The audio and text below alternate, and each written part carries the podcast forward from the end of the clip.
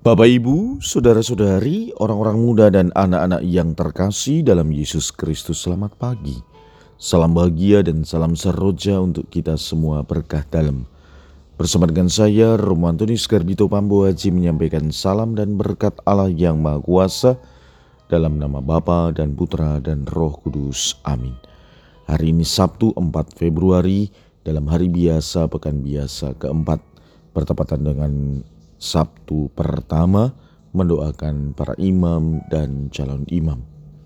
Bacaan pertama dalam liturgi hari ini diambil dari surat kepada orang Ibrani bab 13 ayat 15 sampai dengan 17 dilanjutkan 20 sampai dengan 21.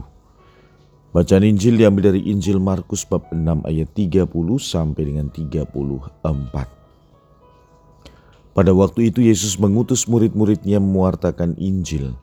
Setelah menunaikan tugas itu, mereka kembali berkumpul dengan Yesus dan memberitahukan kepadanya semua yang mereka kerjakan dan ajarkan.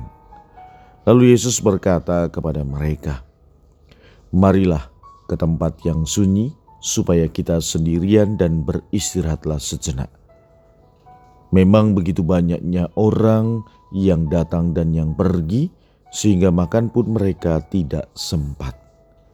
Maka pergilah mereka mengasingkan diri dengan perahu ke tempat yang sunyi.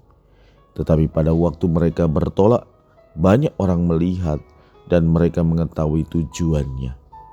Dengan mengambil jalan darat, segeralah datang orang dari semua kota ke tempat itu, dan mereka mulai mendahului Yesus. Ketika mendarat, Yesus melihat jumlah orang yang begitu banyak maka tergeraklah hatinya oleh belas kasihan kepada mereka, karena mereka seperti domba yang tidak mempunyai gembala. Lalu mulailah Yesus mengajarkan banyak hal kepada mereka.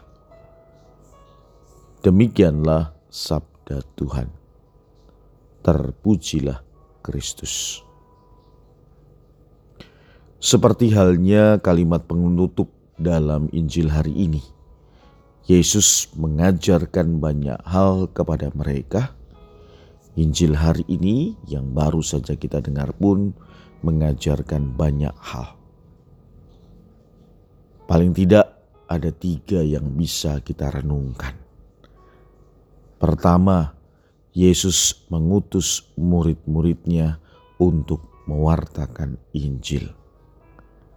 Ini menjadi tugas kita juga Seringkali dalam kehidupan ini, dengan cara kita masing-masing, kita dipanggil untuk mewartakan Injil lewat pekerjaan kita, lewat aktivitas kita, bahkan lewat doa-doa kita. Kita diajak untuk senantiasa mewartakan kabar sukacita. Keselamatan datang dari Tuhan anugerah dan belas kasih datang dari Tuhan. Dan itu harus kita wartakan kepada sesama kita.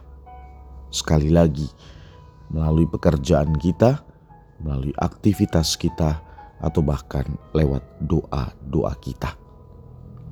Yang kedua, Yesus mengajak para muridnya untuk pergi ke tempat yang sunyi, supaya sendirian, dan beristirahat.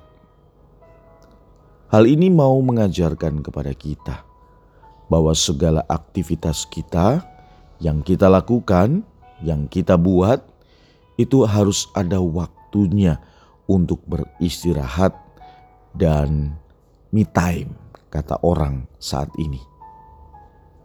Ini juga mengandung arti bahwa bukan hanya memberi, memberi, tetapi kita juga harus menerima, mendapatkan hal-hal yang bersifat rohani dari Tuhan.